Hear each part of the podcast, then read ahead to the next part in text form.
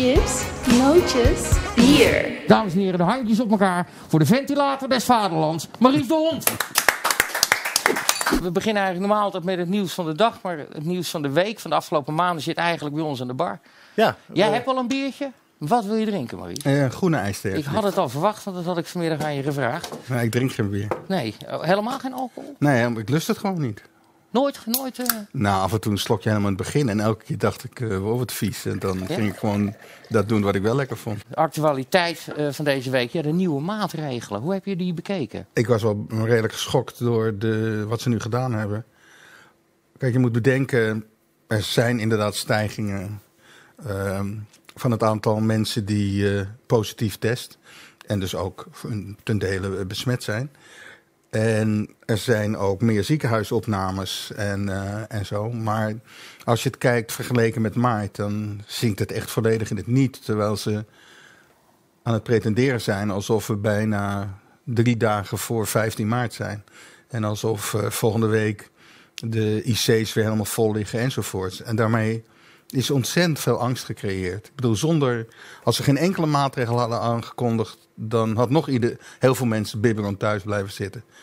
En als je dan wel maatregelen gaat aankondigen, dan moet je wel nadenken, eh, wat kan ik met die maatregelen over drie, vier weken doen? Nou, de maatregelen die ze nu hebben aangekondigd, die kunnen ze niet over drie of vier of vijf of zes weken weer terug eh, halen. Want oké, nu zijn het 3000 eh, positieve testen. Nou, zal het 2000 worden over vier weken. Wat moeten ze dan doen? Gaan ze zeggen, nou, kroegen nu om 11 uur of om 12 uur? Nee.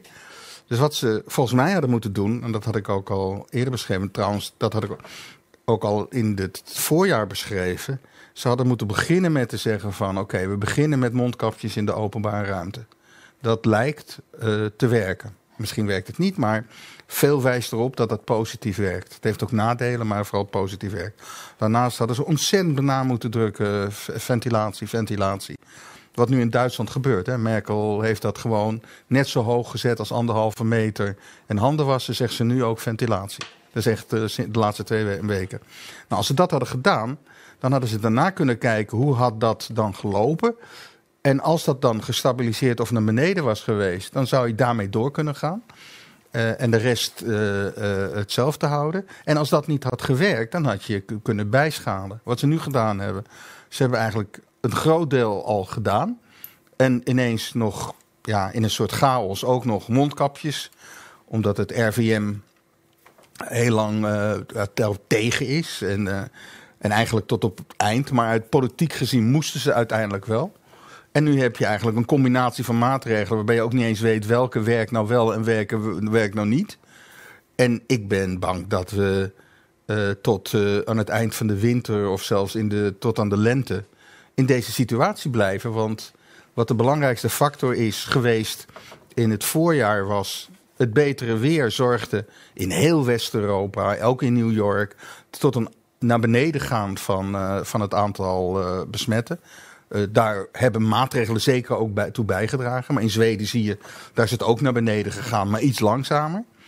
Eh, en het, het najaar en zeker ook de herfst, eh, de winter, zullen zorgen dat het virus zich, zoals ook met griep gebeurt, dan weer sneller kan verspreiden. Dus je krijgt volgens mij, eh, behalve als het virus wereldwijd ineens verdwijnt, maar ik zie geen reden waarom dat nou op korte termijn zou gebeuren, zitten we gewoon een paar maanden lang aan deze eh, eh, acties eh, en deze ingrepen vast. Terwijl als je kwantitatief kijkt wat de situatie is, ja, dan is het heel overzichtelijk. Als we nu kijken bijvoorbeeld het aantal mensen wat per dag overlijdt aan, nou ja, aan of met corona.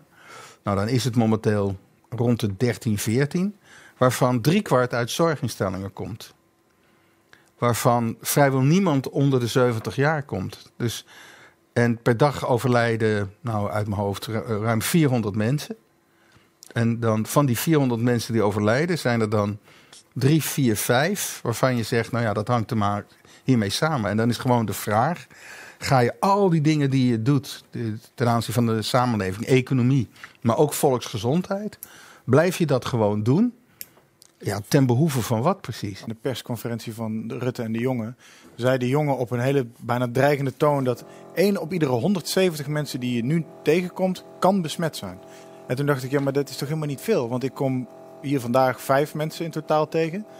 Uh, en die andere 165 die ik misschien op straat tegen zou komen, die kom ik op straat tegen. Daar praat ik niet mee, daar zit ik niet mee op korte afstand. Daar, het, het, het, het klonk onnodig dreigend. Het klonk alsof je eigenlijk andere mensen verdacht moet gaan vinden die je tegenkomt. Terwijl de meeste, je komt geen 170 mensen tegen op een dag onder de huidige omstandigheden meestal. Maar heb jij nergens gevoel, Bart, maar ook, ook voor jou Maurice, dat um, zo'n regel is in. Nou, eerst moesten ze om 12 uur de licht aan, om 1 uur dicht. Nu is het om 9 uur de licht aan en om 10 uur dicht. Dat dat meer een beetje is om uh, die druk erop te voeren bij mensen. Van jongens, pas op, dit en dat. En nee, die horeca, dat is toch wel een beetje ja, het, middelpunt van Nederland. De olie, uh, het smeermiddel van de maatschappij waar iedereen komt. En dat voelen mensen en dat ze dan misschien bewuster worden of angstiger worden? De ziekenhuizen stromen vol, wordt er toch gezegd. Nou, als je naar getalsmatig naar de ziekenhuizen stromen vol kijkt, per dag nou 50 tot 60 nieuwe opnames in ziekenhuizen. Gaan ook weer uit. Maar oké, hoeveel ziekenhuizen zijn waar die mensen komen? Nou, gemiddeld 50, 60. Dus ongeveer praten we gemiddeld één per dag per ziekenhuis. Nou, ook dat is niet nul. Maar ziekenhuizen stromen vol is een soort beeld. En ik denk dat de overheid denkt dat we de beste manier om de mensen in het gereel te houden is om ze maar zo bang mogelijk te maken. En ik denk dat dat uh, contraproductief werkt. Want dat is niet goed voor de gezondheid van mensen. En het heeft ook allerlei averechtse effecten in de rest van de maatschappij. Er zijn mensen die zeggen dat corona niet bestaat, of dat het zelfs verzonnen zou zijn. Uh, of dat er, uh, nou ja, Bill Gates, 5G-vaccins, je kent waarschijnlijk alle dingen. Ja, is dat een soort overcompensatie of is dat een reflex waar mensen inschieten als ze bang worden? Of is het een overcompensatie om zich van die angst proberen te vervreemden? Als je gewoon kijkt, ik bedoel, ik heb veel wetenschappelijke studies uit het buitenland uh, bekeken. Al vanaf het begin. En, en ook bijvoorbeeld Japanse professoren met, over aerosolen. Ik bedoel, filmpjes en zo. Dat heb ik niet zelf verzonnen, maar dat, dat zie je in de literatuur. En ook ten aanzien van griep. Nou, als je dan vervolgens ziet hoe niet zozeer uh, in maart, maar in april, hoe vervolgens de wetenschappers, de deskundigen uh, op tv opereren. En, en eigenlijk met de feiten confronteert en kijkt, dan denk je: het kan toch niet waar zijn wat hij nu beweert? Hè, op basis van eigen ervaring of op basis van andere studies. En dan komt het volgende. Dan denken ze: ja, maar dat zijn hele knappe koppen.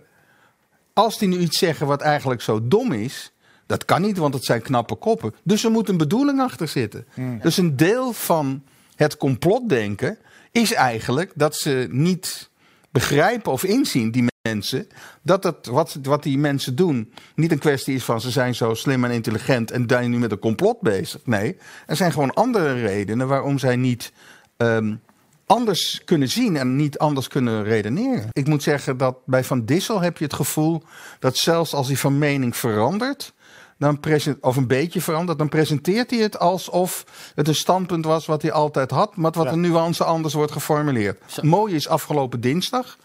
En ook daar is het opvallend dat bijna geen media het hebben opgepikt. Behalve de journalist van de Telegraaf die aanwezig was. Want wat gebeurde er? Hij geeft uh, wekelijks een presentatie. Uh, en bij die presentatie liet hij zien, uh, zijn standaard begin is, wat moet je doen om het virus te bestrijden? Nou, daar staat uh, uh, handen wassen, handen wassen. Weet je? Dat, mm. Volgens mij vindt Rutte dat fantastisch om steeds maar te roepen, je handen stuk wassen. Ja. Ik, hij heeft er iets sadistisch bij en bij. maar oké, okay. en hij zegt anderhalve meter, staat er. En ineens stond er, voor de eerste keer, adequate ventilatie. Ja, daar hebben we een plaatje ja. van, als het goed is. Ja, het is ertussen gevormd. Want maandag was uh, Rutte en uh, de jongen. Nou, die zeiden in, aanvankelijk helemaal niets over ventilatie. En toen ze een vraag kregen. Die goede info, infographic wel. Zij, hè? Goede infographic, jongens. Die ja. uh, cirkel eromheen. Ja, ja nee, weet, je wie, weet je wie dat gedaan had? Een journalist die dat ah. schreef. Ja, dat is Inge Lengton ja, van de van Maar die schreef ook nog dat ze hem daarna had gesproken en vroeg. Waarom staat het er nou in? En dan staat er, schrijft ze op, ik heb nog contact met haar gehad, dat hij zei: Ja, dat heb ik bewust gedaan, want de Kamerleden moeten daar de kabinet op aanspreken, want dat is zo belangrijk. Ik had half juni voorgesteld deltaplan ventilatie. Ja. Ja. Want het geldt niet alleen voor scholen, maar het geldt voor alle binnenruimtes. dat je bijvoorbeeld moet kijken of binnenruimtes coronaproof zijn. En daar dat is ventilatie belangrijk. Maar de winter is het ook. Luchtreinigers is belangrijk. Maar ik heb het rapport gelezen en de toelichting die gegeven is. En dan draait toch weer je maag om. Ja? Want wat staat er dan? Er staat in. ehm, het is niet aangetoond dat eh, aerosolen eh, iets te maken hebben met. Of, eh, hè, dus ventilatie iets te maken heeft met de verspreiding van het virus. Dat staat er gewoon letterlijk. Maar ja, ventilatie is altijd goed. Ehm, en eh, we hebben een bouwbesluit. En we willen vaststellen of iedereen voldoet aan de wettelijke voorschriften van het bouwbesluit. Maar dat is ongeveer iets wat ze ook in 2019 of 2018 hadden kunnen doen. Maar je bedoelt te zeggen eigenlijk dat men nu een omweg, eh, met een omweg die maatregel gaat eh, verantwoorden, zeggen. En dan wel probeert te blijven zeggen, ja, maar we denken nog steeds niet dat het te maken Dat staat letterlijk in die brief. Ja, dat, terwijl, dat is toch heel gek? Want ja, terwijl, terwijl, terwijl de, de bondsregering eh, drie weken geleden een brief heeft gestuurd. eh, naar alle belangrijke instanties, ook werkgevers. Die zei: aerosolen zijn heel belangrijk. De bestrijdingsmanier is via ventilatie en luchtreiniging. en hier, ik ben blij dat het onderwerp er eindelijk is. Maar het werd wel weer gepresenteerd, niet jongens. Nu moeten we daar vooral aandacht voor hebben. Nee, het was, nou, het bouwbesluit vraagt dit van jou als school. En we moeten nu checken of jij voldoet Aan de wettelijke voorwaarden van 2012. Ja, maar dat is natuurlijk Nederland in de notendop. Want als er, iets, als er ergens een gebouw instort of een brug inzakt, dan gaan we achteraf kijken wat er in, in de aanloop naar dat moment allemaal is misgegaan. Wat volgens de instructies en de bureaucratie Ja. allemaal preventable was geweest. als je zegt van nou ja, die lucht, dat, dat die luchtventilatie niet, hè, die, niet zorgt voor verspreiding. Of het is, hè, dat, dan zou je eigenlijk zeggen, ja, weet je, dan zou het gewoon eigenlijk helemaal niet door de lucht verspreiden. Dan zou het gewoon naar beneden vallen. Als jij hoest, praat, niest, dan komen er druppels naar buiten. En die druppels hebben een grootte van, laat ik zeggen, de doorsnede van een haar. En, zo klein, ja, een duizendste daarvan. Nou, ehm, de grotere druppels, die gewoon via de natuurkunde, die vallen gewoon op de grond binnen. Hè, die gaan zo, bom. Dat is natuurkunde. Maar de hele kleintjes, die eh, kunnen heel lang blijven zweven. En nou lijkt het te zijn dat ehm, als de luchtvochtigheid laag is, dan blijven die dingen heel lang in de lucht hangen. Als de luchtvochtigheid hoog is, dan wordt dat water ehm, hecht zich blijkbaar aan het virus of andersom. Ik weet ook niet hoe het gaat. En dan gaat dat ook uit de lucht. Nou, wat is nou het interessante?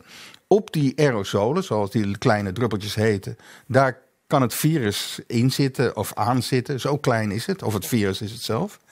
En als jij in een ruimte verkeert waar die veel in de lucht zijn en je ademt in, en dan niet één keer, maar, meer, maar een tijd, dat komt rechtstreeks je longen in. En dat is de plek waar dat virus eh, eh, ja, zich ja. ja, in, makkelijkste invreet. En je Maar daar ook het ergste ziek van kan Volgens worden. deze theorie zou het nu, eh, is een warme, droge zomer, is, is het buiten ook niet veilig. Omdat daar dus, dus die aerosolen langer in de lucht hangen. En als je nu naar buiten loopt waar het lekker miezert en herfstig weer is, dan is het eigenlijk veiliger dan nu hier binnen.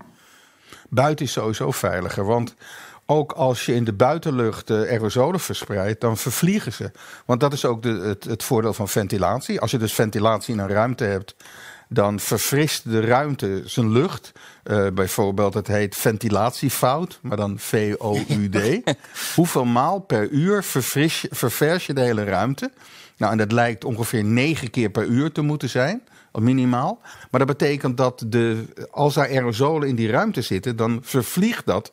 En dan zijn het als het ware te weinig om zoveel in te ademen dat je ziek wordt. Buiten vervliegt het per definitie. Wa- Waarom ben jij op dit onderwerp gestruikeld of hoe ben je erin? eh, waarom ging jij je zo verdiepen in corona en de effecten en de... Nou ja, ja, dan ik- dat het iedereen bezig hield natuurlijk, maar waarom ging jij er specifiek mee? Ja, ik heb een soort natuurlijke nieuwsgierigheid en ik volg op Twitter mensen die met interessante informatie uit de hele wereld.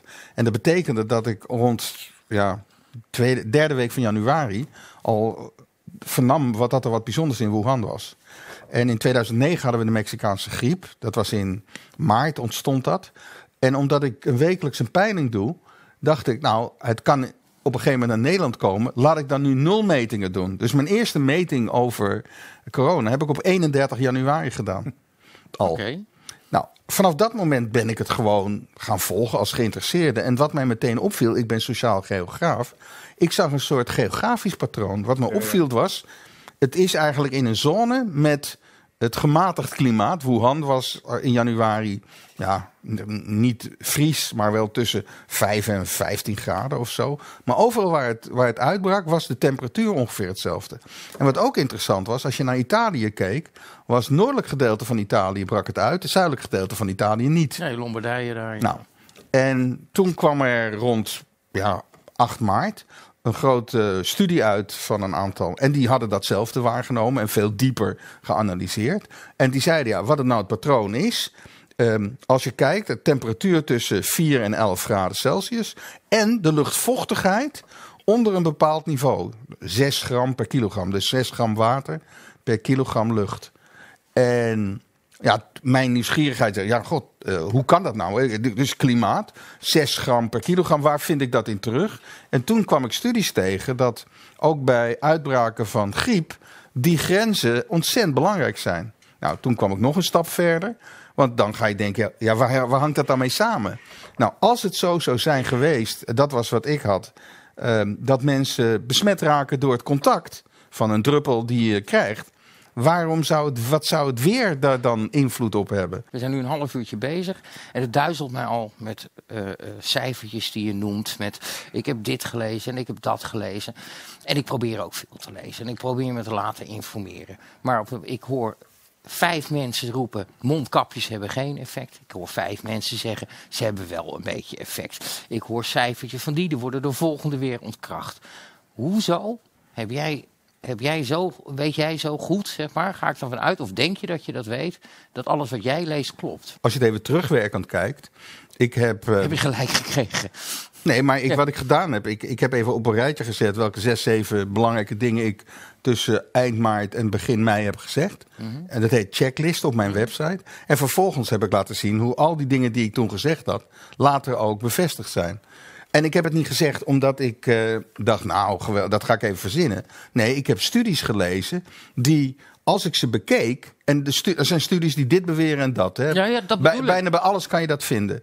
Maar het gaat erom of die studies die je vindt consistent zijn met een totaal patroon. Nou, en ik had een totaal patroon eh, uiteindelijk uit al die studies opgemaakt. En die heb ik ook steeds beschreven in mijn blogs. En dus kwam ik de bevindingen die ik tegenkwam en de studies die ik tegenkwam. Als die in dat totale model pasten, dan dacht ik, ja, dat is de verklaring. En wat ik nu zeg is, eh, op dat moment heb ik het logisch proberen te, te onderbouwen. Maar ja, mensen kunnen zeggen, ja, dat geloof ik niet. Alleen wat ik zeg, ik heb eh, bijvoorbeeld heel vroeg al gezegd... buiten veel minder kans op besmet te worden. Voorwerpen, bijna geen kans op besmet te worden. Bedenken, hè, ten aanzien van voorwerpen. Als voorwerpen echt de manier is om mede om besmet te worden. Bij mensen thuis, hè, als jij een patiënt in je huis hebt... dan gemiddeld wereldwijd zo'n 15 tot 25 procent van de huisgenoten worden besmet. Wat is de plek waar de meeste virus aan voorwerpen zou zitten?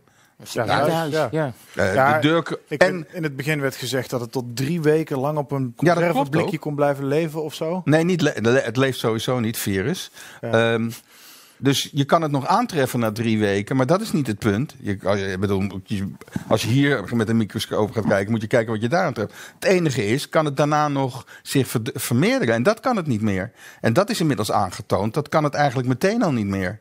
Dat is alleen Maar- een geluk. Leest Jaap van Disselen niet dezelfde eh, onderzoeken, et cetera? Nou, er zijn twee opmerkingen over te plaatsen. In de eerste plaats, ik heb met sommige mensen bij het RVM gesproken en dan kwam ik weer een nieuwe studie tegen. Hoe kwam ik die nieuwe studie tegen? Omdat ik steeds meer mensen die mijn website hadden gelezen, kwamen waar dan ook in de wereld een studie tegen. En een, een uur later heb ik die studie al gezien. En ik sprak wel eens met mensen van het RVM en ze, goh, wat is een interessante studie, twee weken oud. Die hadden ze niet gezien. Dus dat is één. Ik denk dat ze zoveel aan het doen zijn dat ze niet alle studies echt eh, de tijd hebben om te zien. Tweede plaats, wat ook het probleem is, de WHO en alle lokale RVM's, ja, die vormen een soort eenheid, hebben ook bijna, hebben wekelijks overleg. En er is een soort eh, gezamenlijk standpunt waar ze allemaal min of meer in blijven. Ik ben altijd dinsdag in de Tweede Kamer. Ik sprak Geert Wilders eventjes. Nou, heb je een vraag voor, eh, voor Maurice? Zijn vraag is heel kort. Zijn inleiding is wat langer. Dames en heren, instartje 1 alsjeblieft. Ik denk dat hij een pionier is op het terrein van wat we net over hadden, die aerosolen. Hij is toch een van de eerste geweest die dat aan de orde heeft gesteld. Hij, is, um, hij heeft inmiddels in wetenschappelijke bladen gepubliceerd. Um, in de Kamer, maar ook daarbuiten heel veel. Hij heeft het in ieder geval voor wat betreft die aerosolen besmettingen gewoon aan het rechte eind. En um, ja, hij krijgt toch niet, de, vind ik althans, uh, de eer en de krediet die hij verdient. Niet alleen hij persoonlijk, maar ook het belangrijke thema van die aerosolen. Mijn vraag is uh, eigenlijk van, um, um, hou het alsjeblieft vol, want we hebben hem nodig. In het begin, ik ben, ik ben wetenschapper, ik hou ontzettend van logica. Ik hou ook erg veel van een intelligent debat. In de zin van mensen mogen best andere standpunten hebben, als het ook goed gebaseerd is. Hè? Niet volledig uit de lucht gegrepen. Alleen wat ik merkte toen ik eenmaal, ja, dat het geluid eraf. Ik zat bij Weltschmerz en het filmpje werd 550.000 keer bekeken. Ja, waar je voor die twee klapramen zit. Uh... Ja, nee, dat, dat was de andere eerst, maar meerdere, ja. Ja, maar wat... dat, dat, was een van de eerste keren dat ik uh, dat hele ventilatieverhaal en zo. Mm -hmm. Dat klonk mij. Uh, niet om jou je vier in de reet te steken, maar dat klonk me heel logisch op dat moment. Ja, als je goed doorlucht, dan waait rotzooi waait uit de lucht. Als je, ik ben astmatisch en uh, als ik een raam openzet en een, een stoffige kamer lucht wat door, dan heb ik minder last van. Dat is een heel logische gevolg. Ja, maar, maar, wat, maar... Wat, wat het nou interessant was, dus ik schreef gewoon op en ik vind het leuk om wat ik gevonden heb op te schrijven. En ik, ja, steeds meer mensen gingen dat lezen. Maar ik kreeg ontzettend veel mails van mensen die zeiden: Ja, het klinkt logisch en blij dat u een, een, een ja, de, de, de stem maar, van de reden maar, bent. Ja, enzovoort. Maar, maar, vervolgens heb je op uh, 30 mei heb je, uh, nog getwitterd dat.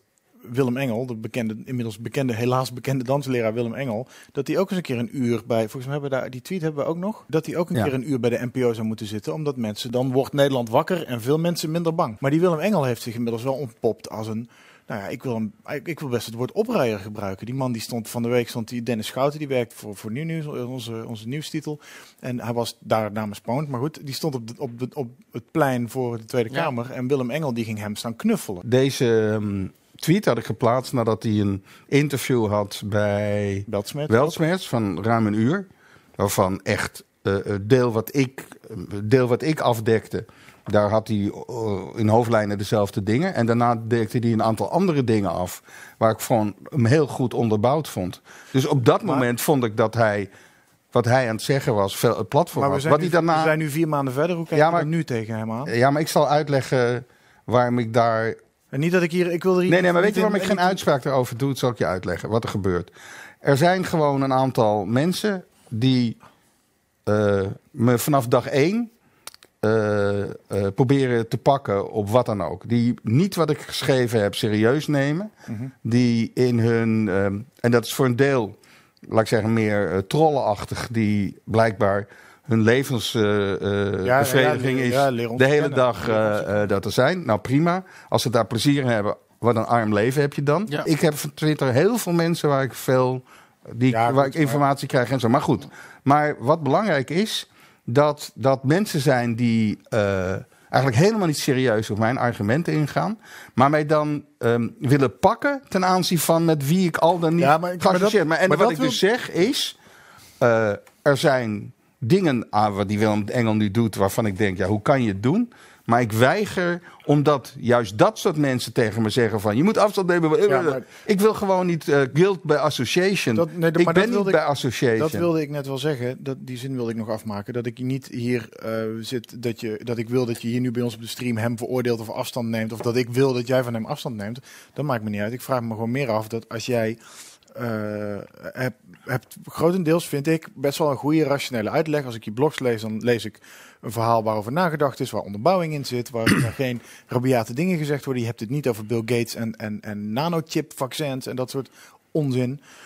Maar je bent wel ook enigszins geassocieerd met iemand die wel in, Ja, maar over, ik ga- over dat randje ik- zit. Ja. En ik, ja, maar dan, je, het Ik is ook niet zo moeilijk om dan te zeggen van ja, god, misschien moet ik mezelf iets meer eh, eh, op afstand houden van die. Ja, maar wat is de afstand? Ik heb, ik heb het enige wat ik gedaan heb, is toen gezegd van. Maar die tweet zou je nu dus niet meer plaatsen.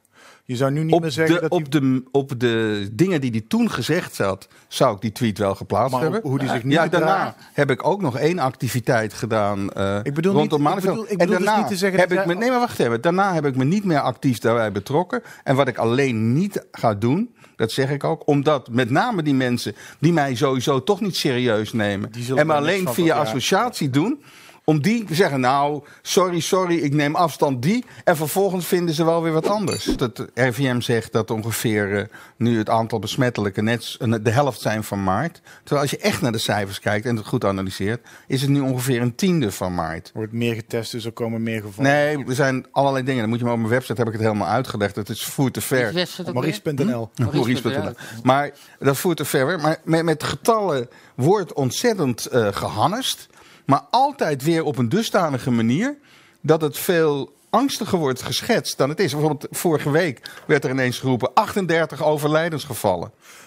Mag ik even die nog afmaken? 38 overlijdensgevallen. Nou, en het journaal 38 overlijdens. Nou wist ik per, hoeveel mensen er ongeveer in het ziekenhuis waren opgenomen. De kans dat er in één dag 38 mensen overleden, ja, dat, dan is er een busongeluk geweest ergens.